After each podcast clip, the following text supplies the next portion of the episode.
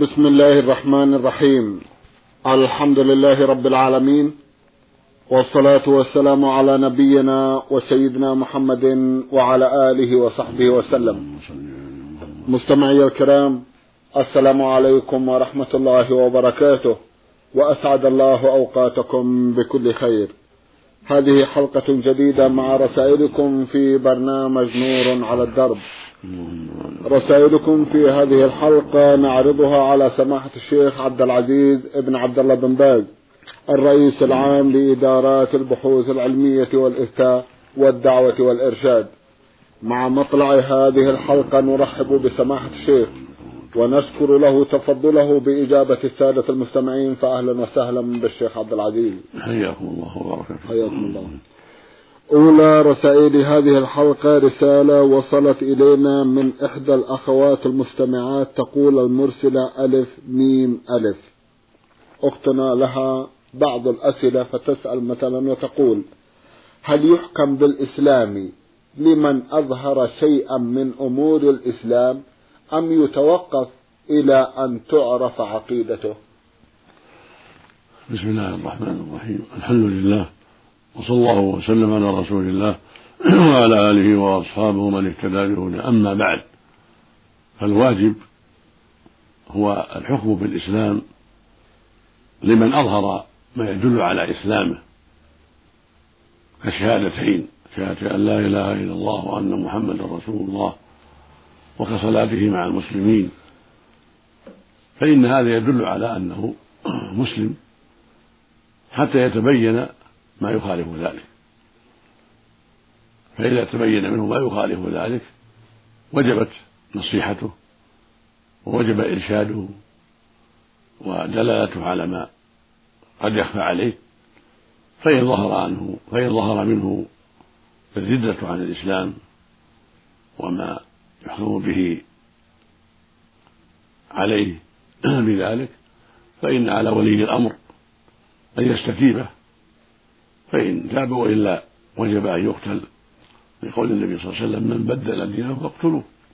رواه البخاري في صحيحه والخلاصة أن الواجب حمل من أظهر الإسلام على الإسلام وتوجيهه إلى الخير وتعليمه ما جهل وإرشاده إلى ما قد يخفى عليه حتى يتبين منه ما يدل على كفره وضلاله فيعامل كما يعامل غيره من الكفرة المرتدين. نسأل الله السلامة والعافية. اللهم آمين. جزاكم الله خيرا. المستمعة ألف ميم ألف من الخرطوم تسأل أيضا وتقول هل تصح الصلاة خلف من لم نعرف حاله؟ نعم. من كان ظاهره الإسلام ويؤم المسلمين فإنها تصح الصلاة خلفه حتى يتبين منه ما يدل على أنه كافر لا تصح الصلاة خلفه. ولو بان أنه فاسق فإن الصلاة خلف الفاسق صحيحة في أصح قوله العلماء. لكن متى بان أنه كافر؟ عند ذلك لا يصلى خلفه ويمنع من الإمامة. ولا تصح الصلاة خلفه. كالذي يظهر أنه منافق يسب الدين ويستهزئ بالدين أو يسب الرسول عليه الصلاة والسلام أو ما أشبه ذلك مما يوجب ردته عن الإسلام. أو يظهر منه أنه أيضا يعبد أصحاب القبور ويستغيث بهم وينذر لهم. وما أشبه ذلك مما يدل على ردته وكفره. نسأل الله السلامة. اللهم آمين. جزاكم الله خيرا. من ضواحي الباحة هذه رسالة بعث بها الأخ عايض محسن حاضر الغامدي. أخونا عرضنا بعض أسئلته في حلقة مضت وفي هذه الحلقة يسأل ويقول هل من كبر تكبيرة الإحرام؟ قبل أن يسلم الإمام يدرك الجماعة أم لا؟ جزاكم الله خيرا. قد دلت السنة سنة النبي عليه الصلاة والسلام أن الصلاة في الجماعة إنما تدرك بالركعة. قال عليه الصلاة والسلام من أدرك ركعة من الصلاة فقد أدرك الصلاة. ففضل الجماعة يدرك بإدراك الركعة فأكثر. لكن إذا كان له عذر بسبب ذلك فاتته الصلاة فإن أجر الجماعة يحصل له وإن لم يصلي في الجماعة. كالمريض الذي حبسه المرض ثم وجد نشاطا فرجاء أن يدرك الجماعة فلم يدركها وكإنسان توجه إلى الجماعة حدث به حادث يمنعه من ذلك كالغائط أو البول فذهب يتوضأ. أو ما أشبه من الأعذار الشرعية نعم. فهذا يرجى له فضل الجماعة إذا لم يفرط لكن من جاءه الإمام في التشهد فإنه يدخل معه. وله فضل في ذلك بقوله صلى الله عليه وسلم ما أدركتم فصلوا وما فاتكم فأتموا. هذا عام يعم ما أدركه المؤمن من صلاة الإمام ولو التشهد. فإذا يدخل معه فإذا سلم قام وقضى ما فاته. ولكنه لا يدرك فضل الجماعة إلا بإدراك الركعة كما تقدم. ولو واجب على المؤمن أن يسارع إلى الصلاة وأن يبادر بعد سماع الأذان حتى يدرك الصلاة كاملة وحتى يؤدي ما شرع الله قبلها من الراتبة كراتبة الظهر أو ما يسر الله من الركعات قبل العصر أو المغرب أو العشاء. هكذا ينبغي المؤمن أن يبادر ويسارع إلى هذه الفريضة العظيمة عند سماع الأذان أو قبل الأذان عند قرب الأذان حتى يتمكن من الوصول إلى المسجد بهدوء وحتى يصلي ما يسر الله له قبل الصلاة. هذا هو الذي ينبغي المؤمن بل هو واجب عليه حتى لا تفوته الجماعة. وهكذا صلاة الفجر المقصود أنه يجب عليه يبادر ويسارع في الوقت الذي يضمن إدراكه الصلاة من أولها. وإذا تيسر له فضل وقت حتى يصلي قبل الصلاة ما يسر الله من تحية المسجد أو الراتبة فهذا خير عظيم. نعم. جزاكم الله خيرا. من إربيل في الجمهورية العراقية هذه رسالة بعث بها المستمع سين سين ألف. يسأل ويقول المذاهب الأربعة الحنفي والمالكي والشافعي والحنبلي هي ثمرة الاجتهادات الفقهية في الدين. فإذا كان الأمر كذلك هل يجوز لفقهاء المسلمين أن يأتوا بمذهب آخر نتيجة اجتهاداتهم الفقهية أم لا؟ ولماذا؟ ليس العلم مقصورا في المذاهب الأربعة بل هناك مذاهب أخرى للتابعين وأتباع التابعين والأئمة المعروفين من أهل العلم غير الأربعة. هناك الأوزاعي وهناك الثوري وهناك إسحاق بن راهوية وهناك أئمة كبار لهم آراء ولهم ولهم معلومات نقلها العلماء عنهم. فالمؤمن يعني طالب العلم المتبصر ينظر في الأدلة إذا وقع الخلاف ويأخذ بما وافق الدليل من أقوال الأئمة الأربعة وغيرهم من أهل العلم من أئمة الصحابة والتابعين وأتباعهم بإحسان وليس ذلك مقصورا على الأئمة الأربعة فقط. بل الأئمة الأربعة هم من علماء الأمة ومن كبار علماء الأمة أبي حنيفة والشافعي ومالك وأحمد كل هؤلاء من أئمة الإسلام ولهم فضل كبير وعلوم جمة معلومة. ولكن ليس العلم مقصورا عليهم بل هناك غيرهم من العلماء مثل ما تقدم كإسحاق بن راهوية المعروف وكالأوزاعي رحمه الله وكالثوري وابن عيينة وغيرهم من الأئمة المعروفين المجتهدين الذين لهم قدم صدق في الأمة. وهكذا من قبلهم من التابعين كسعيد بن المسيب والشعبي وطاووس وغيرهم من أئمة الإسلام المعروفين من ممن لقي الصحابة.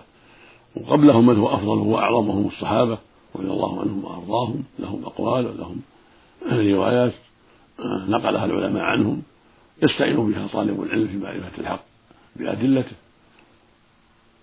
فالواجب على أهل العلم وأهل البصيرة أن يعتنوا بهذا وأن يعرضوا ما تنازع فيه الناس من الأئمة الأربعة أو من قبلهم أو من بعدهم على الأدلة الشرعية من الكتاب والسنة.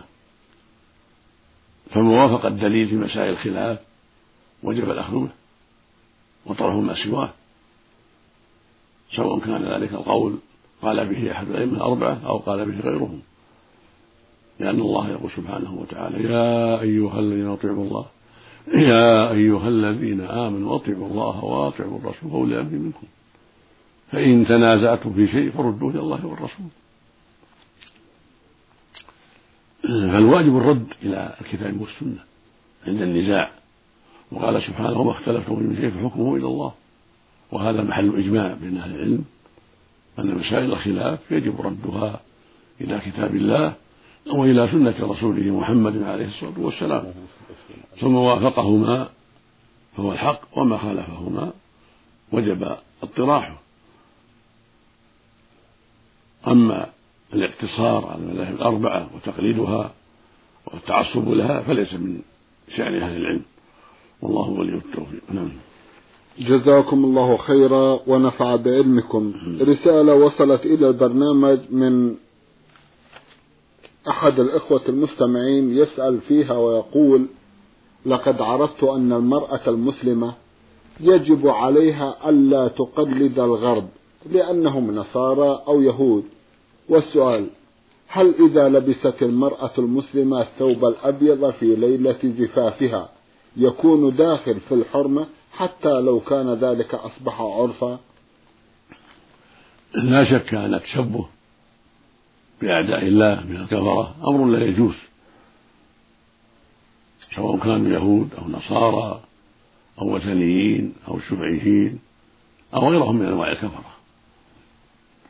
لقول النبي صلى الله عليه وسلم من تشبه بقوم فهو منهم ولأدلة أخرى جاءت تحذر من التشبه بأعداء الله وهو يعم الرجال والنساء. وجاءت أحاديث صحيحة تدل على تحريم تشبه النساء بالرجال والرجال بالنساء. فلا يجوز للمرأة أن تلبس لبسة تشبه لبسة الرجل. ولا يجوز للرجل أن يلبس لبسة تشبه لبسة المرأة. وقد لعن النبي من فعل ذلك عليه الصلاة والسلام. واللباس الأبيض يختلف. فإذا كان على الزي الذي يشبه الرجال حرم وإذا كان على زي يختص به النساء فلا فلا تحريم. وهكذا الأسود والأحمر والأصفر والأخضر جميع الألوان. ما كان منها على زي الرجال حرم لبس النساء له. وما كان منها على زي النساء حرم لبس الرجال له. وهذا هو الفاصل. في جميع الألوان يجب على الرجل أن يبتعد عن مشابهة المرأة في زيها ولباسها ونحو ذلك. ويجب على المرأة أن تبتعد عن مشابهة الرجل في زيه أو كلامه أو مشيه أو نحو ذلك. وقد لعن الرسول صلى الله عليه وسلم المتشبهين من الرجال بالنساء ولعن صلى الله عليه وسلم المتشبهات من النساء بالرجال. فكونها تلبس يوم الزفاف ليلة الزفاف لبسا خاصا اعتاده النساء لا يشبه لبس الرجال لا حرج. سواء كان أسود أو أخضر أو أبيض أو غير ذلك. إذا كان من زي النساء أو من ملابس النساء. لكن يجب أن ينتبه المسلمون إلى أمر يفعله بعض الناس وهو تشريع المرأة على الطريقة المعروفة الآن بحيث توجد على منصة مرتفعة عليها لباس خاص فيحضر الزوج ومن معه من وبعض من معه من أقاربه حتى يجلسوا عندها بين النساء. وكثير منهن سافرات. هذا لا يجوز هذا فتنة. وقد كتبنا في هذا ما يسر الله ونشر للتحذير من هذا العمل السيء. أما كونها ليس بينهم بلباس خاص حتى تعرف بين النساء فلا بأس. لكن لا يجوز السماع للرجال بالدخول على النساء في هذه الحالة لا الزوج ولا غيره. والزوج يدخل عليها في محل خاص غرفة خاصة في محل خاص يدخل على زوجته. أما جعلها في محل مرتفع يأتي الزوج ويجلس معها وربما لمسها أو ربما قل حياءه وقبلها عند الناس أو ربما حضر معه أبوه أو أخوه أو إخوته. هذا أمر فيه خطر كبير ولا يجوز. وفيه تعريضه لرؤية النساء التي اللاتي يكشفن هناك أو يكون شبه عاريات هناك وربما أفضل ذلك إلى فتنة له تجعله يزهد في زوجته ويرغب عنها لما شاهد من النساء الأخريات.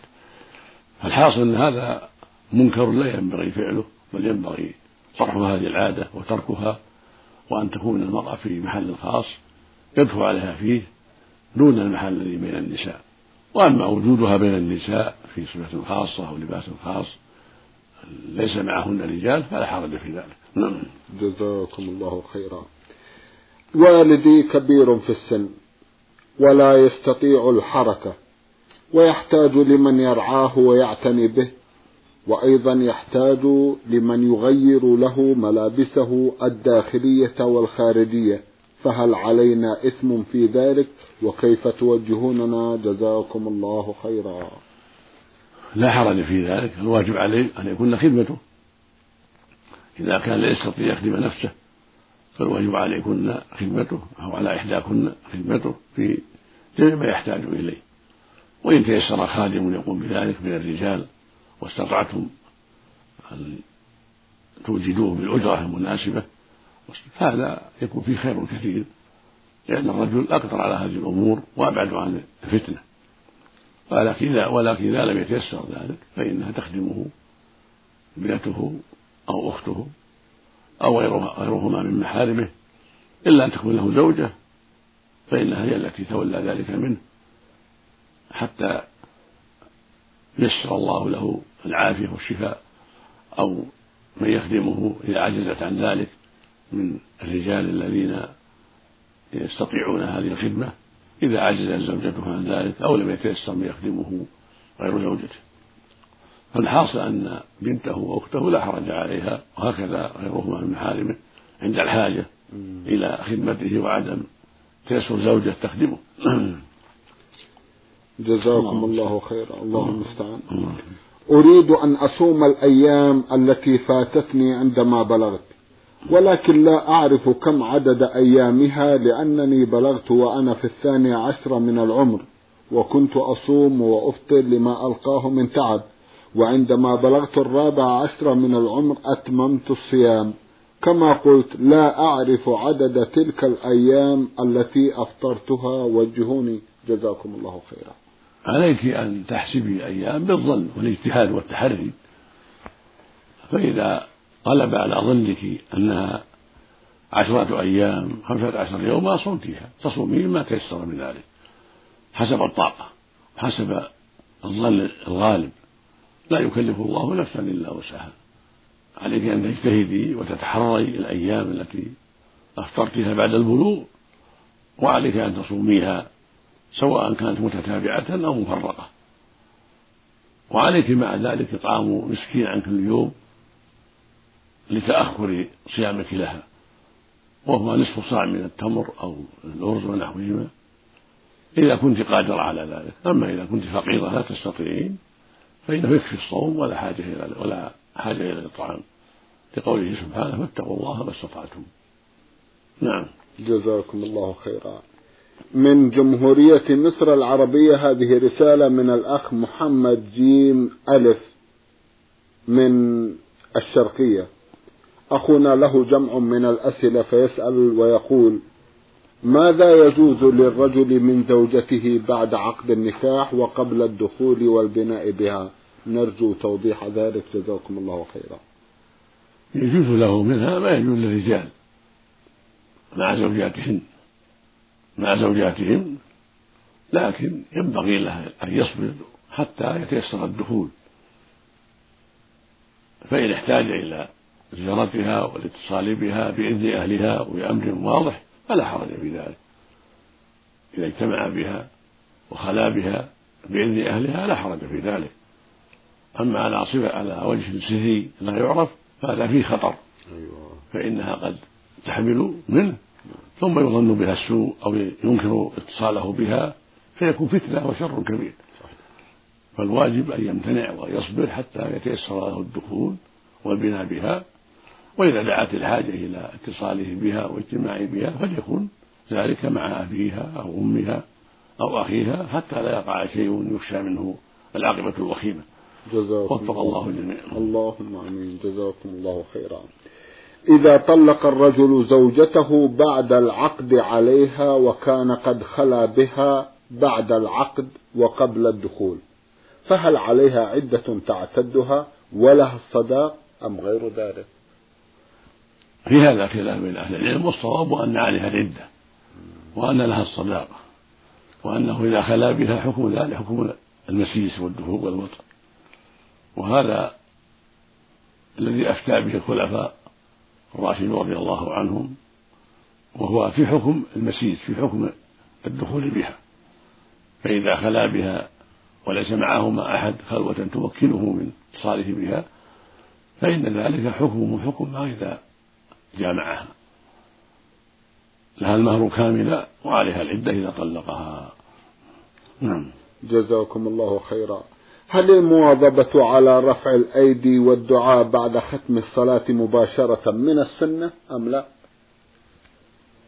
رفع الأيدي من أسباب الإجابة وهو سنة في الدعاء كما جاءت بذلك الأحاديث عن رسول الله عليه الصلاة والسلام فإن الدعاء لإجابته أسباب منها خضوع القلب وإقباله على الله ومنها كونه على طهارة ومنها كونه في أوقات الإجابة كآخر الليل أو من الأذان والإقامة أو في حال السجود أو في آخر الصلاة قبل السلام. ومن أسباب الإجابة رفع اليدين كما في الحديث عنه صلى الله عليه وسلم قال إن ربكم حي كريم يستحي من عبده إذا رفع يديه إليه, أن يردهما صفرا. وكان عليه الصلاة والسلام يرفع يديه في الدعاء. ورفع يديه في دعاء الاستغاثة لما خطب الناس يوم الجمعة واستسقى خطب رفع يديه في الاستسقاء. وهكذا لما خرج إلى الصحراء وصلى بالناس وخطبهم رفع يديه عليه الصلاة والسلام في الاستسقاء. لكن بعد الصلوات المفروضة لم يفعل ذلك عليه الصلاة والسلام. الظهر والعصر والمغرب والعشاء والفجر لم يحفظ عنه أنه كان يرفع يديه إذا سلم من المكتوبة. فالأول الذي ينبغي أنه لا يرفع. في هذه الحال لأن هذا يصدق عليه البدعة لأنه شيء في عهد النبي صلى الله عليه وسلم لم يفعله وتركه حجة كما أن فعله حجة. فكما أن رفعه يديه في الاستسقاء وفي الدعاء في هذا المكان سنة ومن أسباب الإجابة فعدم الرفع عند الفراغ من الفرائض كالظهر والعصر والمغرب والعشاء والفجر هذا هو السنة. لأنه لم يرفع عليه الصلاة والسلام في هذه الأحوال يعني بعد الفريضة وهكذا بعد انصرافه من صلاة الجمعة بعد السلام لم يرفع. وهكذا في خطبة الجمعة إذا لم يستسقي لم يرفع وفي خطبة العيد إذا لم يستسقي لم يرفع. فلا يرفع المؤمن تأسيا بالنبي صلى الله عليه وسلم في الترك كما نتأسى به في الفعل عليه الصلاة والسلام. وهكذا لا يرفع بين السجدتين في دعاء بين السجدتين. ولا يرفع في دعاه قبل السلام في الصلاة قبل أن يسلم لأن النبي لم يرفع عليه الصلاة والسلام في هذه الأحوال. قال العلماء رحمة الله عليهم إن فعله حجة وإن تركه حجة عليه الصلاة والسلام. نعم. جزاكم الله خيرا. ما رأي سماحتكم في مسألة العذر بالجهل وخاصة في أمر العقيدة؟ وضحوا لنا هذا الأمر. جزاكم الله خيرا. العقيدة أهم الأمور وهي أعظم واجب وحقيقتها الإيمان بالله وملائكته وكتبه ورسله واليوم الآخر وبالقدر خيره وشره. والإيمان بأنه سبحانه هو مستحق العبادة والشهادة له بذلك. وهي شهادة أن لا إله إلا الله يشهد المؤمن بأنه لا معبود حق إلا هو سبحانه وتعالى. والشهادة بأن محمدا رسول الله أرسله الله إلى الثقلين الجن والإنس وهو خاتم الأنبياء كل هذا لا بد منه وهذا من صلب العقيدة. فلا بد من هذا في حق الرجال والنساء جميعا وهو أساس الدين وأساس الملة. كما يجب الإيمان بما أخبر الله به ورسوله من أمر القيامة والجنة والنار والحساب والجزاء ونشر الصحف وأخذها باليمين أو بالشمال وميزان ووزن الأعمال إلى غير ذلك مما جاءت به الآيات القرآنية والأحاديث النبوية. فالجهل بهذا لا عذر لا, لا, لا يكون عذرا. بل يجب على أن يعلم هذا وأن يتبصر فيه ولا يعذر بقوله إني جاهل بهذه الأمور وهو بين المسلمين وقد بلغه كتاب الله وسنة الرسول عليه الصلاة والسلام. هذا يسمى معرضا ويسمى غافلا ومتجاهلا لهذا الأمر العظيم فلا يعذر. أما من كان بعيدا عن المسلمين في أطراف البلاد التي ليس فيها مسلمون ولم يبلغه القرآن ولا السنة فهذا معذور وحكمه حكم أهل الفترة. إذا مات على هذه الحالة حكمه حكم أهل الفترات الذين يمتحنون يوم القيامة. فمن أجاب وأطاع الأمر دخل الجنة ومن عصى دخل النار. أما المسائل التي قد قد تخفى في في بعض الأحيان على بعض الناس نعم. كمسائل كبعض أحكام الصلاة أو بعض أحكام الزكاة أو بعض أحكام الحج هذه قد يدار فيها بالجهل ولا حرج في ذلك لأنها تخفى على كثير من الناس وليس كل أحد يستطيع الفقه فيها. هذا أمر هذه المسائل أمرها أسهل والواجب على المؤمن أن يتعلم ويتفقه في الدين ويسأل العلم. كما قال الله سبحانه فاسألوا أهل الذكر إن كنتم لا تعلمون. ويروى عنه عليه الصلاة والسلام أنه قال لقوم أفتوا بغير علم ألا سألوا إذا لم يعلموا. إنما شفاء العي السؤال. وقال عليه الصلاة والسلام من يريد الله به خيرا يفقهه في الدين. فالواجب على الرجال والنساء من المسلمين التفقه في الدين والتبصر والسؤال عما أشكل وعدم السكوت على الجهل وعدم الإعراض وعدم الغفلة. لأنهم خلقوا ليعبدوا الله. ويطيعه سبحانه وتعالى. ولا سبيل إلى ذلك إلا بالعلم. والعلم لا يحصل هكذا من من طلب ولا سؤال. لا بد من طلب العلم ولا بد من السؤال لأهل العلم نعم. حتى يتعلم الجاهل. نعم. نعم. جزاكم الله خيرا. أخونا يسأل ويقول رجل دخل المسجد ليصلي المغرب فوجد رجلا يصلي فالتحق به. فإذا به يصلي العصر فماذا يفعل الرجل الذي يصلي المغرب؟ هل يكمل معه أم ينفصل عنه في الركعة الثالثة؟ إذا دخل المسلم مع إنسان يصلي صلاة الرباعية وهو يصلي وهو قصده المغرب دخل معه يظنه يصلي المغرب فصار يصلي العشاء. كما قد يقع ذلك في الأسفار وفي أوقات الأمطار. نعم. فإنه إذا قام الإمام من الرابع يجلس هو في الثالثة ويقرأ التشهد ويدعو حتى يسلم الإمام ثم يسلم معه وتجزئه لقوله عليه الصلاة والسلام إنما الأعمال بالنيات. هذا له نيته وهذا له نيته. إنما الأعمال بالنيات وإنما لكل امرئ ما نوى هكذا قال المصطفى عليه الصلاة والسلام. وهكذا لو صلى معه. العشاء وهو ناوي المغرب وهو مسافر الذي يصلي العشاء فسلم من اثنتين فإنه يقوم ويصلي الثالثة وصحة صلاته صحيحة له نيته وذاك له نيته. هذا نوى المغرب وهي ثلاث وهذا نوى العشاء مقصورة لأنه مسافر. نعم. وسلم من اثنتين فإذا سلم قام وأتى بالثالثة. الذي يصلي المغرب. وهكذا لو صلى الظهر خلف من يصلي العصر جاءهم يصلون نعم. في وقت الجمع في السفر مثلا فظن أنهم يصلون الظهر فصاروا يصلون العصر وهو يصلي الظهر فإن صلاته صحيحة وله نيته وله نيته هذا هو الصواب. الأعمال بالنيات. جزاكم الله خيرا. سماحة الشيخ في ختام هذا اللقاء أتوجه لكم بالشكر الجزيل بعد شكر الله سبحانه وتعالى على تفضلكم بإجابة سادة المستمعين وآمل أن يتجدد اللقاء وأنتم على خير. نرجو مستمعي الكرام كان لقاؤنا في هذه الحلقة مع سماحة الشيخ عبد العزيز ابن عبد الله بن باز الرئيس العام لإدارات البحوث العلمية والإفتاء والدعوة والإرشاد. شكرا لمتابعتكم وإلى الملتقى وسلام الله عليكم ورحمته وبركاته.